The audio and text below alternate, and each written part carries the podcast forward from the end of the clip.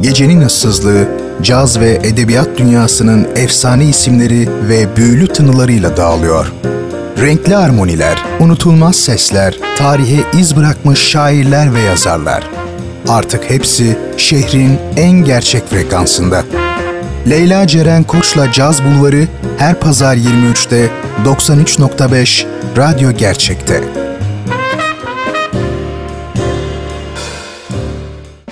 Caz Bulvarı başlıyor.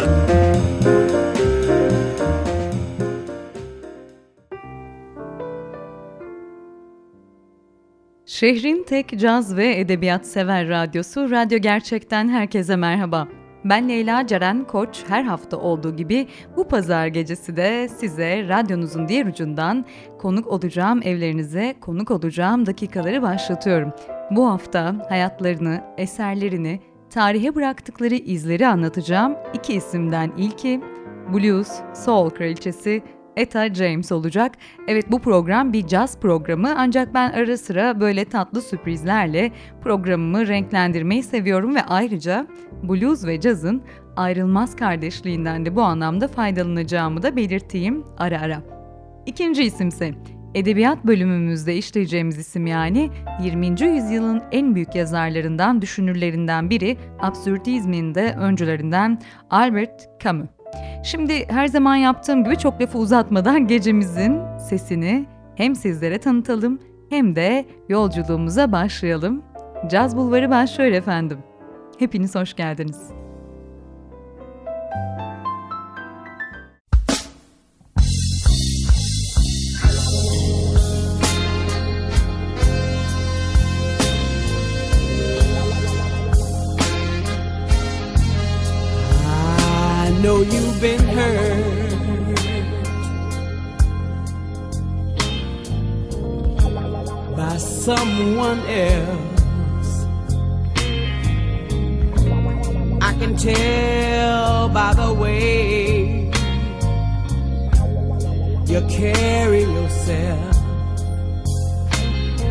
If you let me,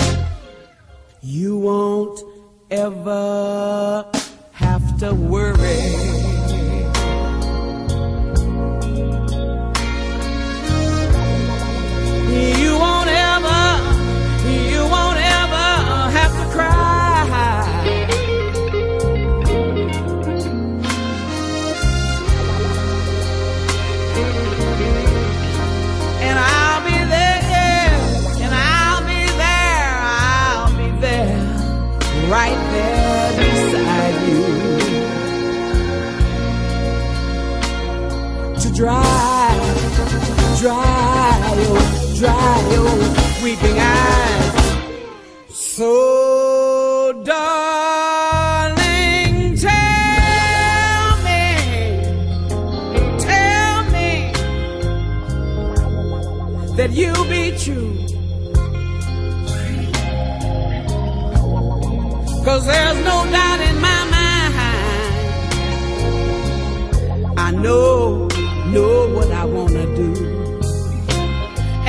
And just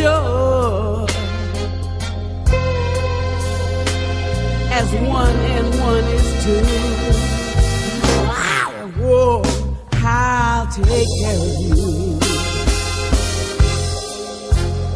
Take care of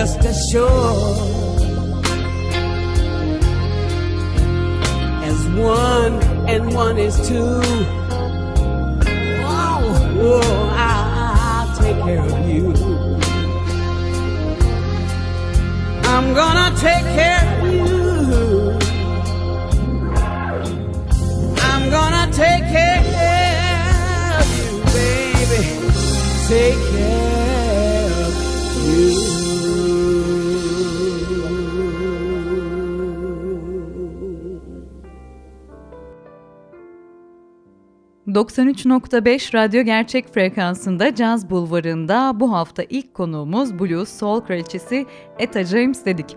Aslında onu tanıyanlar Cadillac Records filmi ve Beyoncé'un unutulmaz yorumlarıyla Etta'nın hayatına biraz olsun tanıklık etmiştir.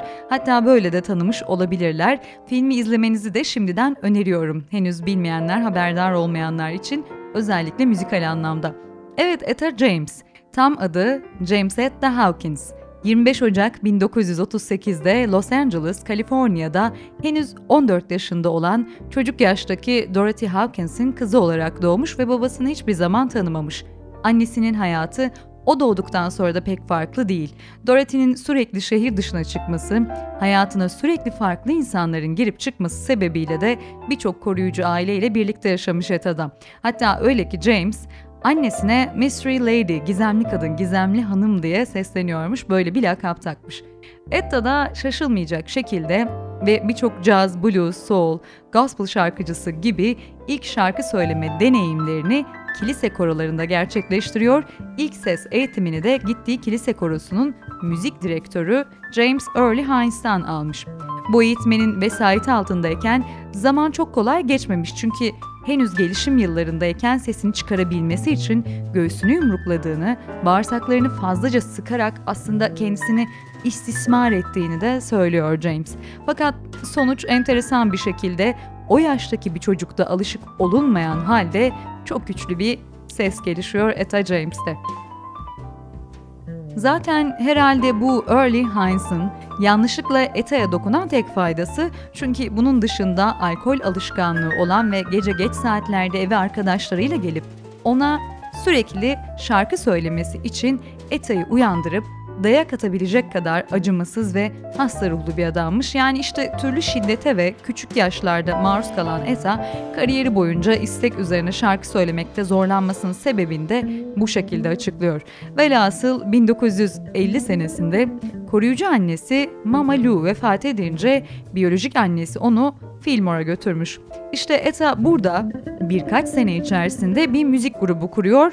Bunun üzerine ve belirtelim bu zamanlar daha 12 yaşında, 14 yaşına geldiğinde ise Johnny Otis'le tanışıyor fakat tanışma hikayeleri değişik şekillerde anlatılır. Otis'in anlattığına göre Johnny bir gece onun performansını izlemesinin ardından oteline gidip Etta'yı seçmelere katılmaya ikna etmiş.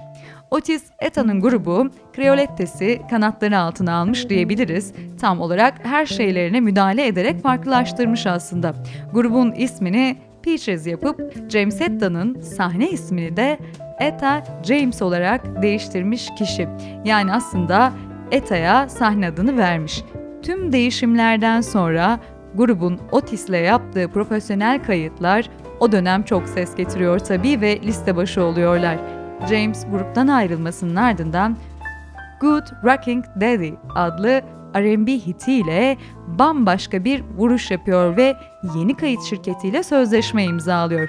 Bir süre sonra Moonglow adlı dönemin ünlü gruplarından birinin üyesi şarkıcı Harvey Fugua ile bir ilişkiye başlıyor. Şimdi bu noktada James'in yola yalnız çıkmaya başladığı bu dönemin o başarılı hitini dinlemeden geçmeyelim diyorum ve sizleri Good Rockin' Daddy ile baş başa bırakıyorum ardından hikayesine devam edeceğiz.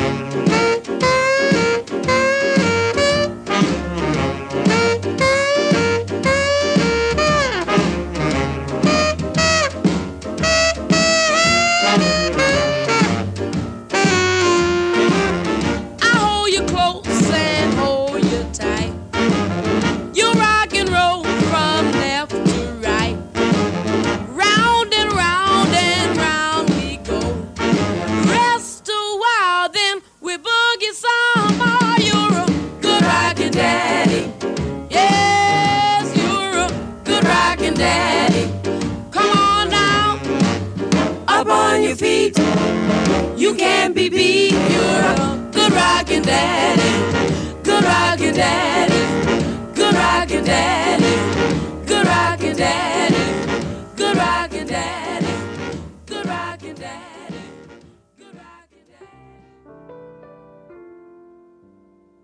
Evet, James'in Harvey Fugua ile olan ilişkisi gördüğünüz gibi müzikal anlamda da oldukça verimli. Birlikte dönemin hit single'ları olan If I Can't Have You ve Spoonful gibi şarkılara imza atmışlar. Fakat şarkıcının ilk solo ve ikinci R&B hiti ise bugün bile severek dinlediğimiz blues R&B dünyasında unutulmayacak bir hit olmuş olan All I Could Do Was Cry oluyor. Bunun üzerine Cheese Records, ETA için daha büyük bir orkestra hazırlıyor. Yaylı çalgılar bulunan klasik balat tarzı bir orkestra. Ve tabii ki James'in bu ilk balat kaydı olan My Dearest Darling R&B listesinin o dönem ilk beşinde zirve yapıyor. 1960 yılına gelindiğinde ise sanatçı ilk albümü ki onu tarihe albüme adını veren şarkıyla da kazıyan At Last'ı çıkarıyor. Albümde jazz standartlarından blues ve R&B'ye kadar çeşitli şarkılar var Bunlar içinde gelecekte klasikleşecek I Just Want To Make Love To You ve A Sunday Kind Of Love da mevcut. Aynı yıl iki hit single daha barındıran bir albüme daha imza atan James, ertesi yıl müziğine gospel öğeleri eklemeye başlıyor ve Something's Gotta Hold On Me'yi piyasaya sürüyor ve tabii ki yine hitler arasına yerleşip çok ses getiriyor bu kayıtta. Şimdi dilerseniz öncelikle James'in Harvey Fugua ile yaptığı If I Can't Have You'yu dinleyelim. Hemen ardından da gospel öğeleri eklediğini söylediğimiz muhteşem yorumu ve en bilinenlerden biri Ethan'ın şarkıları içerisinde Something's Gotta Hold Me gelsin. Ardından da hikayesine kaldığımız yerden devam edeceğiz.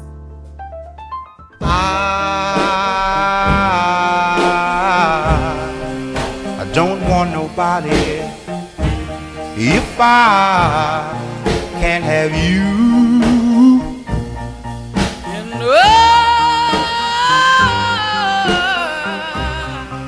I can't love nobody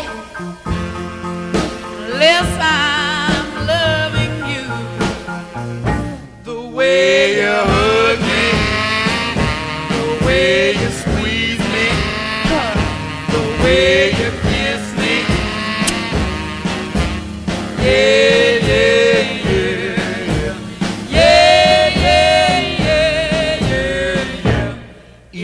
I can't have you.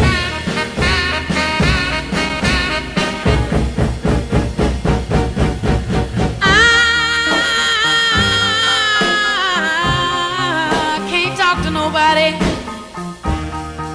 unless I'm talking to you. Whoa. I don't wanna hold nobody unless I'm holding you. The way you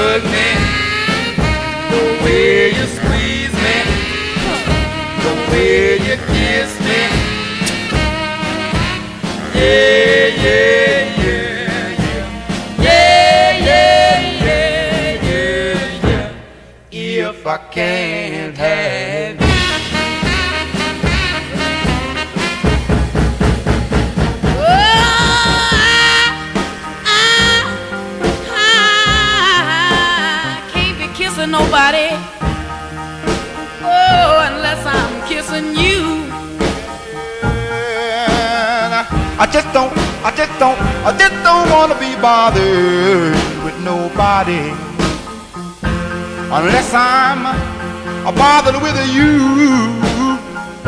The way you hug me, the way you squeeze me, the way you kiss me. Yeah,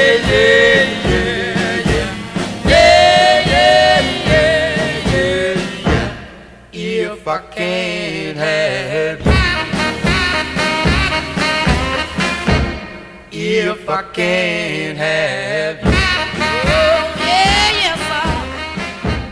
if I can't have you. Oh, sometimes I get a good feeling, yeah. I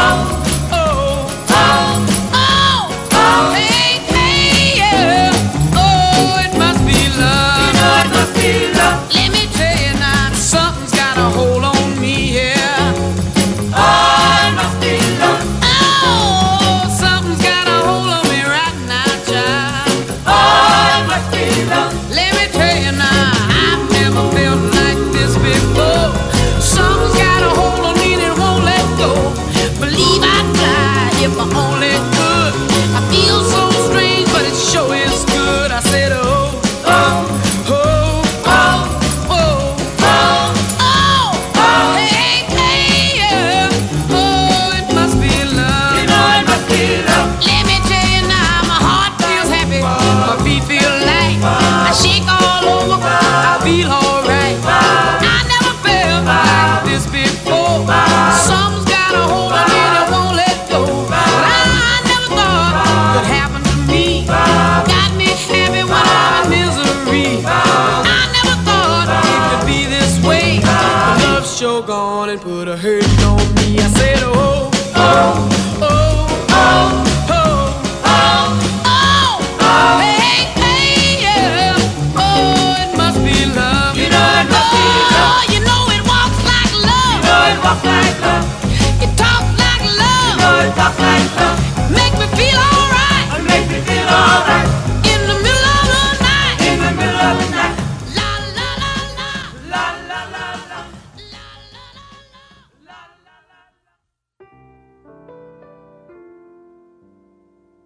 sanatçının başarıları ardı ardına devam ederken 1963 yılında da Etta James Rock Evi adlı canlı albümünü yayınlıyor. Ve bundan birkaç yıl sonra aniden bir dur- duraklama dönemine girmiş ve 1967 yılına kadar da ciddi derecede bu anlamda zorluk yaşıyor. Fakat dediğim gibi 67 senesinde Alabama'daki Muscle Shoals'taki efsanevi stüdyo Fame'de yaptığı kayıtlar sayesinde hızını tekrar yakalıyor. Özellikle Tell Mama ve I'd Rather Go Blind birer blues klasiği haline geliyor o dönem. Yine de James'in en parlak yılları 60'ların başları olarak kalıyor kariyeri boyunca. 1969'da Cheese Records'la Leonard Cheese'in ölmesiyle birlikte ETA adeta harap oluyor diyebiliriz. Bu acı olayın ardından James kendisine hayran olan ve Tell Mama'yı konserde seslendiren Steppenwolf ve Janis, Janis Joplin ile çalışmış tanınmış rock yapımcısı Gabriel Mackler'ın yapımıyla birlikte 1973'te kendi albümünün çıkışıyla rock ve funk'la karşılaşıyor ve müzik stillerinin karması gibi tanımlanan bu albüm Grammy ile ödüllendirilmiş. James bu yılların ardından kariyerine devam etmesine ediyor tabi. Belgesellerde ve hatta farklı festivallerde yer alıyor. Fakat arada 10 yıl kadar e, boşlukta kaldığı bir dönem var ki bunun sebebi de uyuşturucu ve alkol bağımlılığı. Sanatçı 1989 yılında Island Records'la sözleşme imzalıyor ve Fame stüdyolarında kaydedilen iki albüm daha yayınlıyor. Ardından 92'ye kadar rock ve jazz soundlu albüm kayıtları ve konserleri olmuş. 93 senesinde ise Billie Holiday övgüsü bir albüm olan Mystery Lady albümüyle Holiday şarkılarını kaydetmiş ve bu albümle 94 senesinde en iyi caz vokal kadın kadın sanatçı ödülüne layık görülerek Grammy kazanmış, bir Grammy daha kazanmış daha doğrusu. Ardından üst üste daha çok caz unsurları barındıran albümlere imza atıyor James. 2000 yılına gelindiğinde ise Rolling Stones'un deyimiyle Etta yeniden kendi köklerine dönüyor diyebiliriz. Tekrar bir blues ve R&B albümüyle listelere giriş yapıyor. Blues, Mad Trash the Blues. Bu albümün de e, adı oluyor. Yaşamı boyunca birçok Grammy ödülü kazanan Etta 2003 yılında da Grammy Lifetime'ı kazanarak hayat boyu başarı ödülüne layık görülmüş. Sürekli stiller arası gezinen 1980'lerden sonra farklı türlerde albümler kaydeden sanatçı ne kadar 2000 yılında köklerine döndü desek de artık tam bir karma sanatçı olduğundan yine arada jazz soundlu bir albüm daha kaydediyor. Son albümü ise Private müzikten çıkan Let's Roll oluyor. Ve sanatçı bu albümüyle de tabii ki yine en iyi çağdaş blues albümü dalında bir Grammy daha kazanıyor. Sanatçının hayatı tam bir blues, jazz ve R&B karması diyebiliriz ve hatırlatayım bu arada sanatçı dünyaca ünlü Montreux Jazz Festivali'ne defalarca katılmış ve burada sahne almış. Birçok dev isimle birlikte sahne almış. Kendisi de bir dev. Sanatçı aynı zamanda 2010 yılından itibaren ise çeşitli hastalıklarla uğraşıyor. Buna 2011 başlarında yakalandığı lösemi de dahil ve son olarak da 2012 senesinde 74. yaşından yalnızca 5 gün önce 22 Ocak'ta bu hastalık sebebiyle yaşamını yitiriyor Etta James. İlginç olansa ondan yalnızca 3 gün önce de onu kariyerinin başında keşfeden isim Otis Redding'in hayatını kaybetmesi. Evet, blues kraliçesi, R&B kraliçesi hatta soul ve jazz. Böyle muhteşem bir sesin yaşam boyu müzikten kopmayan bir sanatçının yaşam öyküsü de böyleydi. Önümüzdeki dakikalarda Etta James şarkıları dinlemeye devam ederken artık yavaş yavaş edebiyat bölümümüze geçeceğiz ama geçmeden dediğim gibi James'in en güzel yorumlarından birine daha kulak verelim. O da Tell Mama olsun.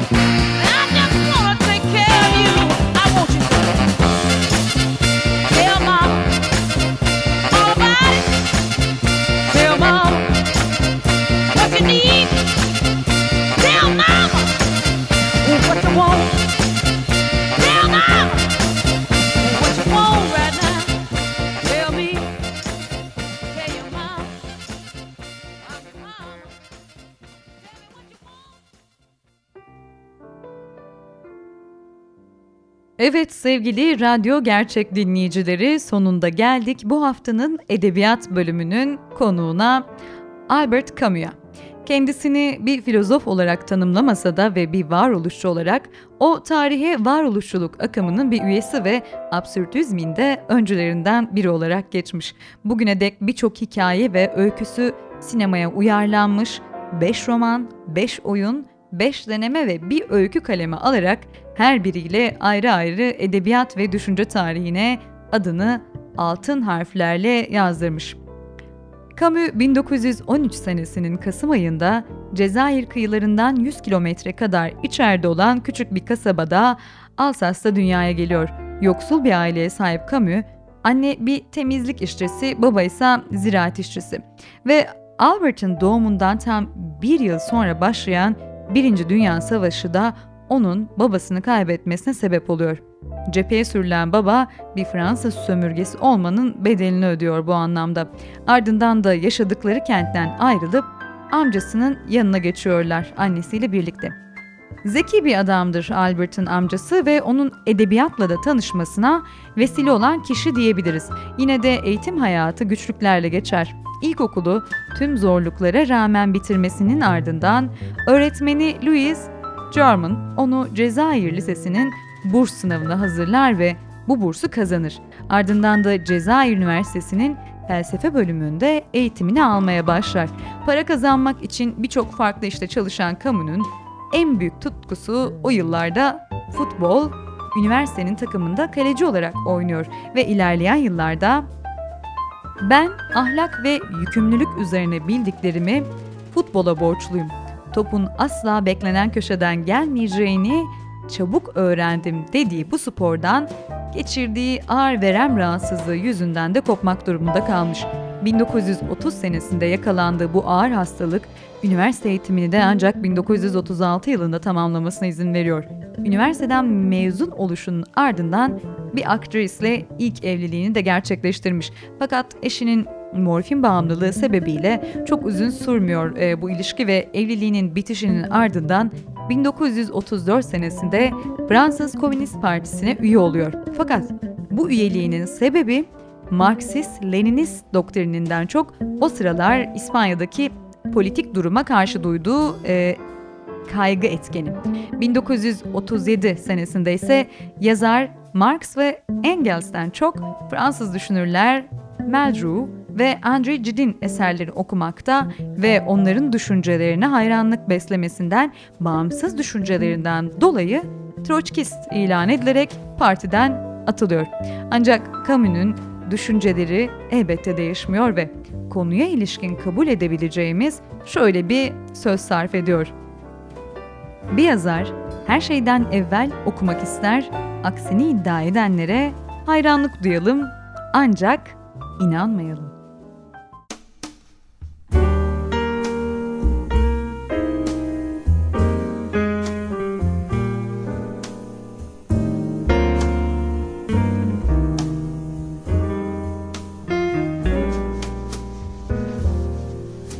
Someday he'll come along, the man I love, and he'll be big and strong, the man I love. And when he comes my way, I'll do my best to make him stay.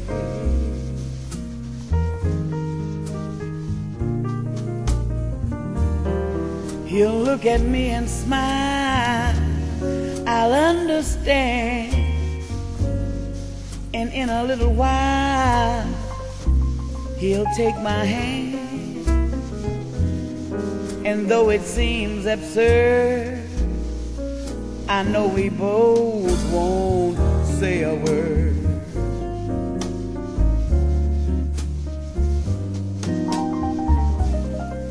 Maybe I shall meet him Sunday, maybe Monday, maybe not. Still, I'm sure to meet him one day, maybe Tuesday will be my good news day. He'll build a little home just meant for two, for which I never wrong.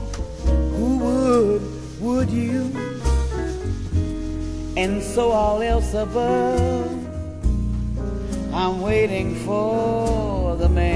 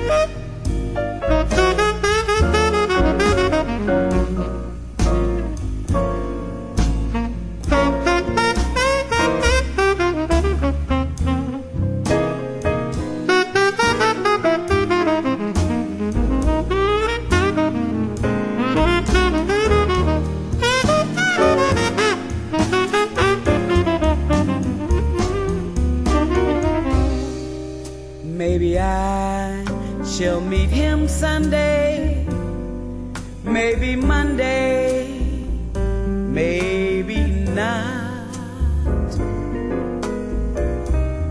Still, I'm sure to meet him one day, maybe Tuesday will be my good news day. He'll build a little home just meant for two, from which I'll never roam. Who would, would you? And so all else above,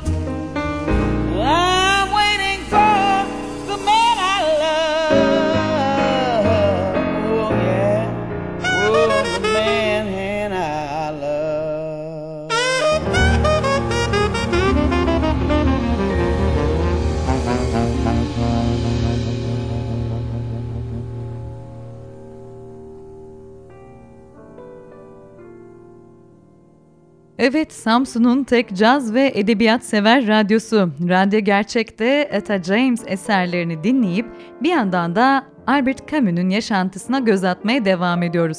Son olarak 1937 senesinde bağımsız düşünceleri sebebiyle Troçkist ilan edilerek partiden atıldığını söylemiştik. Bu arada yazar 1935 senesinde de İşçinin Tiyatrosu adlı tiyatroyu kuruyor fakat 1939 senesinde de burası kapatılıyor.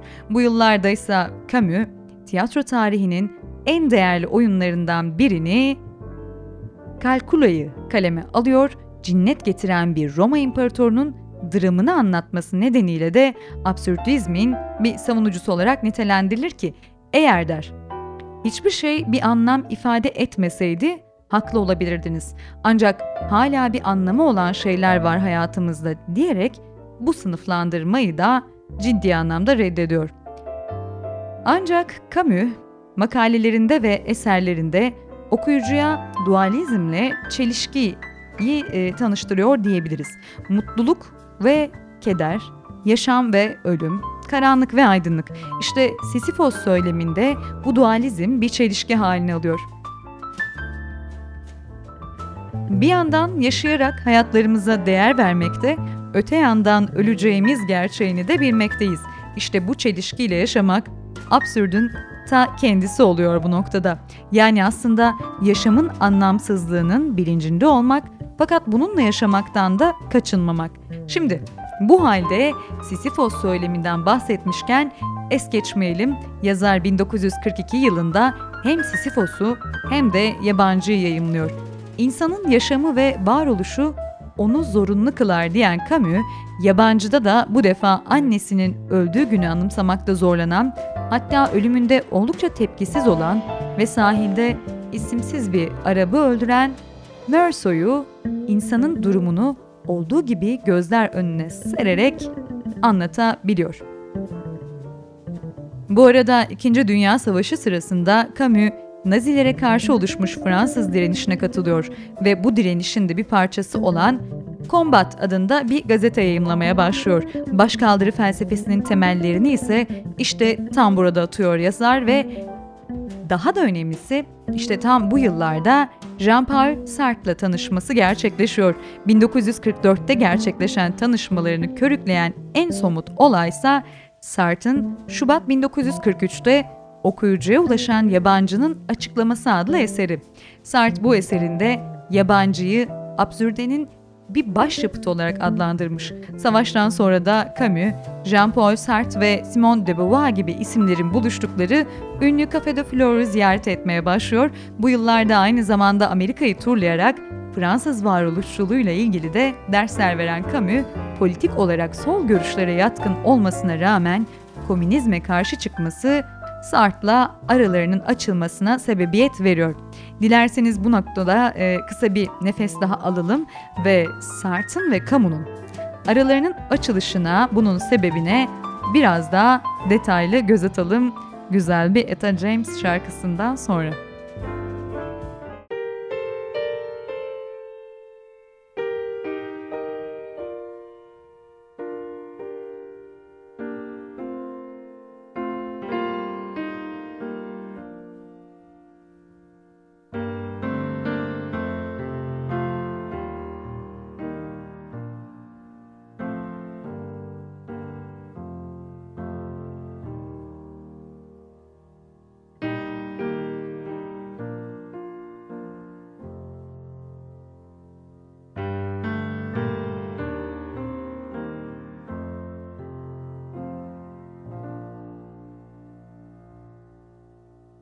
I've been loving you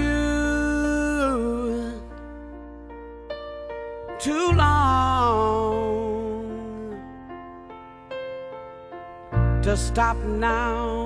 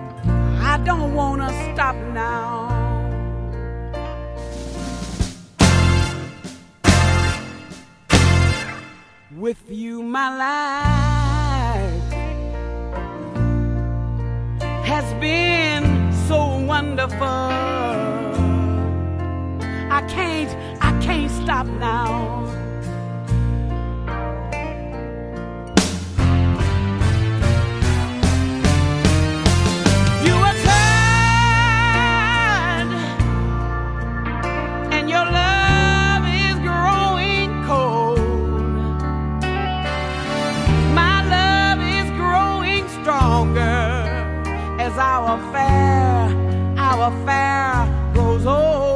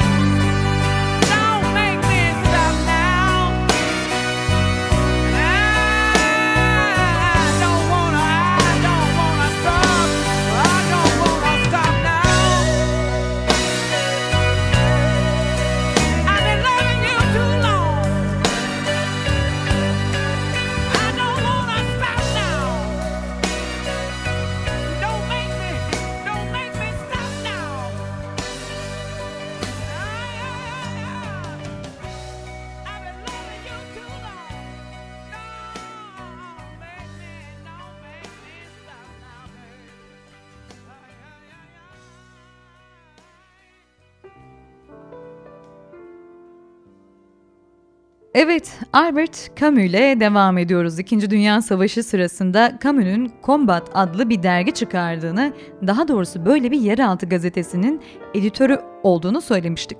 Ve yine söylediğim gibi bağımsız söylemleri olan bir isimdi ne kadar sol görüşlere yakın dursa da. İşte bu dergi döneminde Camus önce Paris'i Almanlardan kurtaran Amerikalıları alkışlamış ancak ardından Nagasaki ve Hiroşima'ya atom bombası atan Amerika'yı sonuna kadar eleştirmiş. Savaşın ardından da daha ticari bir yapıya bürünen Combat'tan ayrılıyor. İşte bu dönem Camus için en önemli romanlarından Veba'yı yazmaya başlaması için zemin oluşturmuş. Veba 1947 yılında yayımlanıyor. Roman, benzer vakalar yaşamış olan Cezayir'in Oran kentinde geçiyor, şehri aniden saran veba salgını ve bunun insanları yaşattığı mücadele ve çelişik durumları anlatılıyor bu romanda. İşte ne kadar Camus istemese de bu noktadan sonra artık tam bir varoluşçu olarak tanımlanıyor.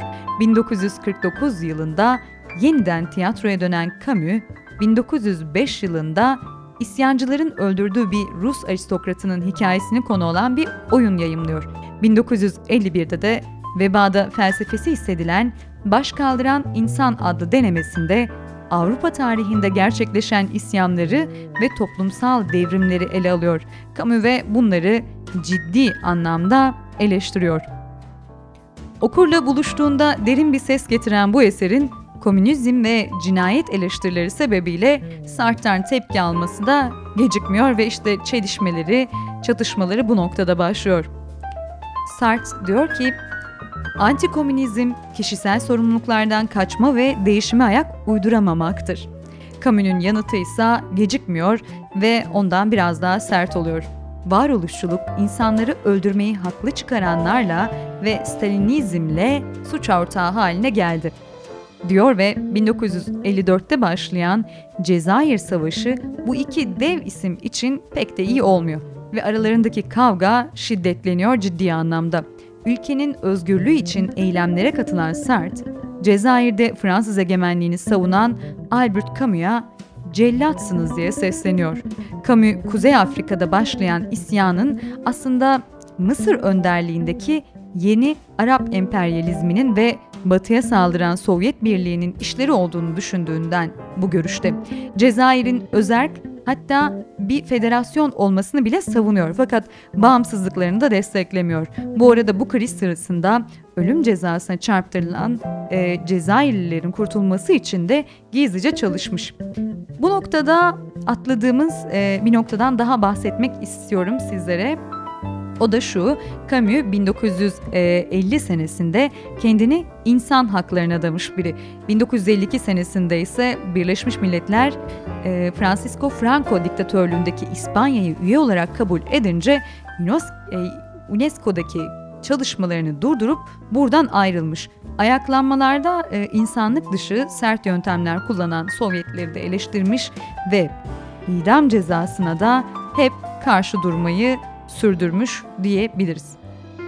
1955-56 yılları arasında Le Express yazan Camus, bu gazetede yazan Camus 1957 yılında Nobel Edebiyat Ödülünü alıyor. Bu andan sonra da 20. yüzyıl dünya edebiyatının baş köşesine yerleştiriliyor. Hatta Nobel töreninde yaptığı konuşma kitap haline getirilmiş. Konuşmanın bir bölümünde söyledikleri ise insanı ciddi anlamda derinden etkiliyor gerçekten. Diyor ki, benim ve benim gibilerin işlediği, istediği, istediğimiz dünya, kimsenin kimseyi öldürmediği ki o kadar deli değiliz, böyle bir dünya değil, insan öldürmenin haklı olamayacağı bir dünya. Bundan gerçekten ütopya ve çelişki içindeyiz. Çünkü yaşadığımız öldürmenin haklı sayıldığı bir dünya. Onu istemiyorsak değiştirmek zorundayız. Değiştirmeyi isteyince de öldürmeyi de göze almak gerekecek gibi görünüyor.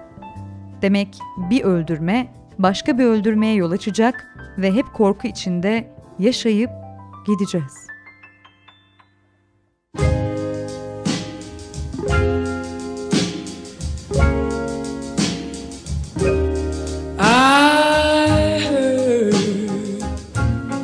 Church bells ringing. I heard a choir singing.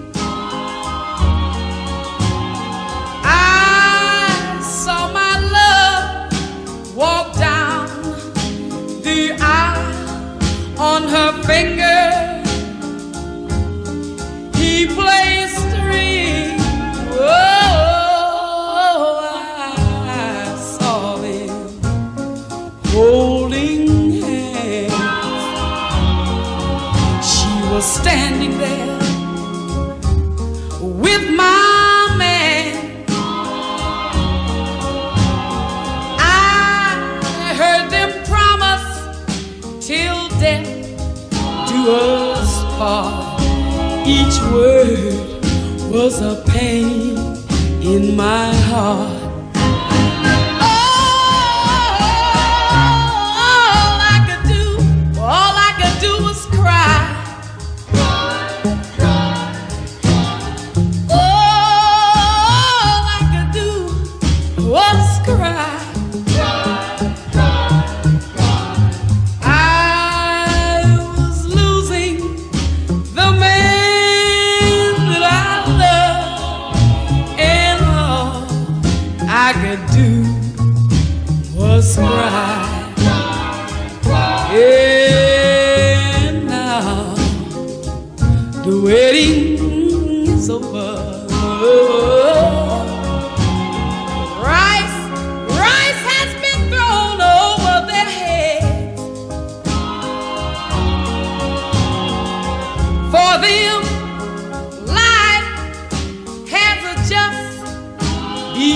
gone, but mine is there.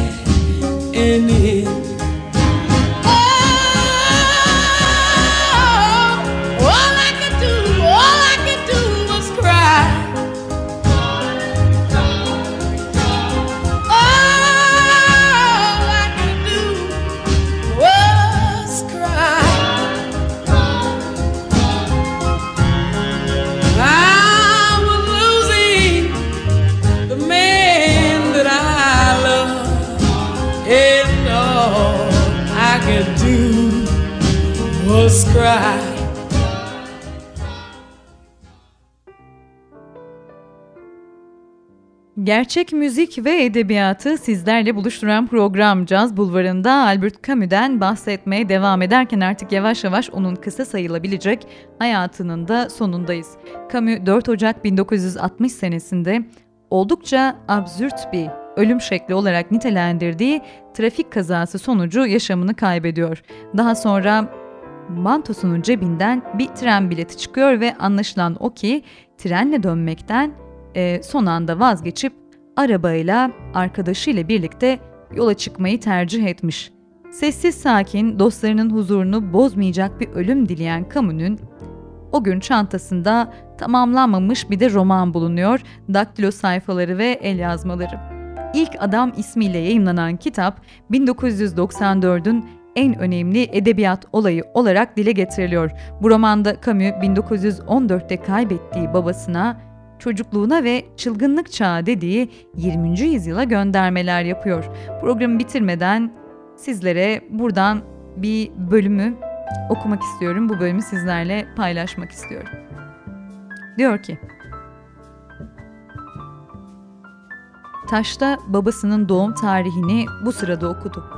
Bu tarihi bilmediğini de böylece ayrımsadı. Sonra iki tarihi okudu. 1885, 1914 ve kendiliğinden bir hesap yaptı.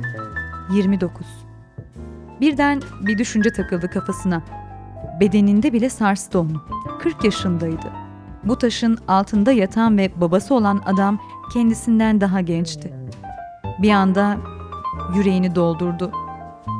Sevgi ve acıma dalgası. Oğlu ölmüş babanın anısına doğru götüren ruh devinimi değil, olgun bir adamın haksız olarak katledilmiş çocuk karşısında duyduğu çalkantılı acımaydı bu. Burada bir şeyler doğal düzene uymuyordu ve doğrusunu söylemek gerekirse düzen diye bir şey de yoktu. Oğlun babasından daha yaşlı olduğu yerde çılgınlık ve kargaşa vardı yalnızca.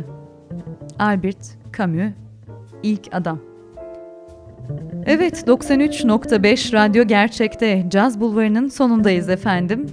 Ben Leyla Ceren Koç'la birlikte bu haftada Blues Kraliçesi Etta James'i ve 20. yüzyılın edebiyat devi, absürdizmin kralı belki de Albert Camus'un yaşamına ve eserlerine eşlik ettik hep beraber. Haftaya pazar saatler 23'ü gösterdiğinde ben yine bu frekansta radyonuzun diğer ucundan sizlere sesleniyor olacağım. O zamana dek herkese mutlu bir hafta ve huzurlu geceler diliyorum ve sizlere muhteşem bir Etta James hitiyle veda ediyorum. At Last. Haftaya görüşmek üzere.